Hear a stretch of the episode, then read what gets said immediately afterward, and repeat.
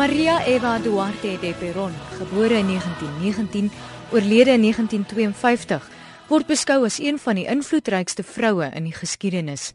Sy word onthou vir haar rol as Argentynse presidentsvrou van Juan Perón, haar liefdadigheidswerk en sy speel veral 'n vername rol in die emansipasie van vroue in Argentinië. Peroniste verwys steeds graag geliefd na haar as Evita. Gebore op 7 Mei 1919 as 'n buiteegtelike kind in die arm afgeleë plattelandse dorpie in Los Toldos, was haar omstandighede alles behalwe bevorderlik vir die rol wat sy sou speel. Tog is dit of Eva haar lewe lank voorberei het vir die rol.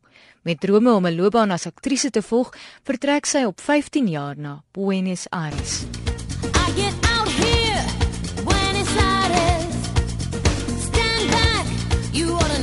to get in me touch of star quality. Sy behaal nie noemenswaardige sukses op die silwerdoek nie, maar toe sy 'n kontrak kry om 'n rol te speel op radio, was daar geen keer nie. Eva Duarte ontmoet Juan Perón, 'n invloedryke kolonel en regeringsamptenaar, op 22 Januarie 1944 tydens 'n fondsinsamelingsgeleentheid. Eva en Juan trou die volgende jaar en sy ondersteun Juan se veldtog vir presidentskap. In 1946 word hy verkies as president van Argentinië. In die volgende 6 jaar word sy 'n invloedryke figuur en kampvegter vir werkersregte, gesondheid en vroueregte. Alhoewel sy ongekende gewildheid onder die publiek geniet het vir haar liefdadigheidswerk, was nie almal 'n aanhanger nie, veral nie die bourgeoisie en weermag wat bedreig deur haar invloedryke posisie gevoel het nie.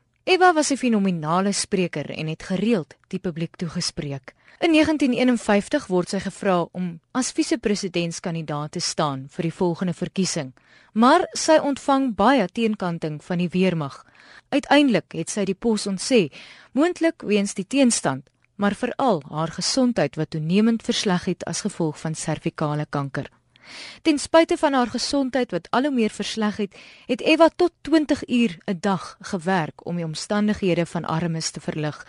Hier is Eva Perron, soos sy die gehoor toespreek in een van haar laaste openbare verskynings, waar sy afstand doen as kandidaat vir vise-president. Sy sê dat sy graag die posse wil hê, maar eerder bekend wil staan as die vrou wat die mense se harte na Juan Perron gelei het en dat sy eerder die liefde van die Argentyne wil hê. Die skare het haar spontaan toegejuig en aangedring dat sy as leier moet staan.